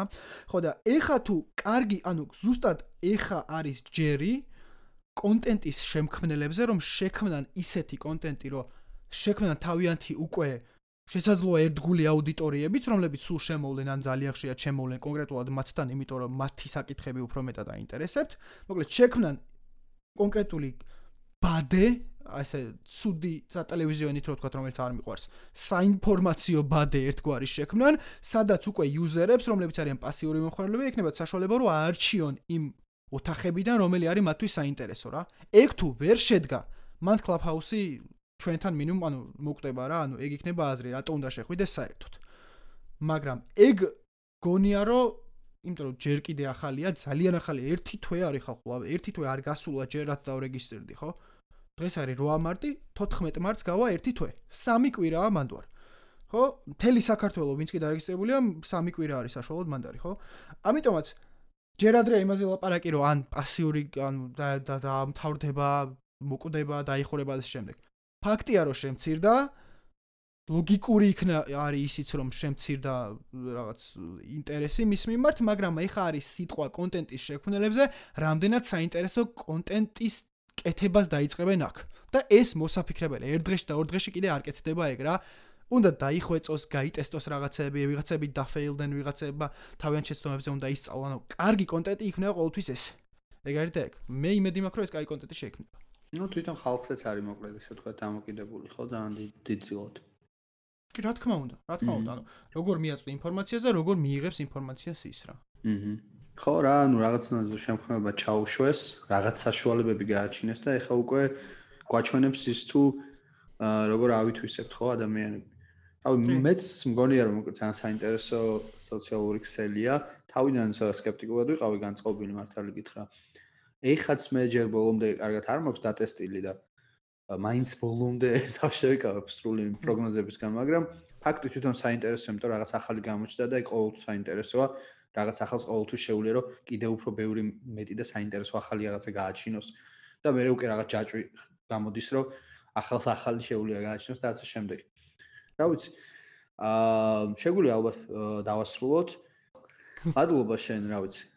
სტუმრობისთვის და კი ბატონო, კი ბატონო და სმენსაც მადლობა რომ ამდენი მოგვისმინა და შეიძლება თავაზობ თუ გინდა ერთ თვეში კიდე გავაკეთოთ და შევაფასოთ რა შეიცვალა და ჩვენი პროგნოზები გამართლა თუ არა. კი ბატონო, საინტერესო იქნება და საერთოდ რა აღარ არსებობ ეს კლუბჰაუსი. უცებ რა აღარ არის ხო და ამ ყოველ არაფერი რა აღარ არსებობს და მარტო კლუბჰაუსი როა და სხვაგან რა აღარ არსებობს, მარტო კლუბჰაუსი რა უნდა გააკეთო. ალტერნატივა რა აღარ არის. მონოპოლია. კარგი, კარგი, მადლობა გიორგი და რა ვიცი, დავამშვიდობოთ ფენელსაც და შევხვდებით Clubhouse შეიძლება, იმიტომ რომ თუ დაუბრუნდი, ესე თქვა დამაბრუნეს, მინდა რომ ეს რაღაც საინტერესო რაღაცები გავაკეთო და ვისაუბროთ იქაც. მე მოვისმენდი Clubhouse-ში გაკრას ესეთ სამეცნიერო მიმართულების ინტერაქტიულ პოდკასტს სიმართლე გითხრა, ასე რომ ჩემი ერთი მსმენელი ყავს ჩემს. მადლობა. აბა დროებთ. დროებთ.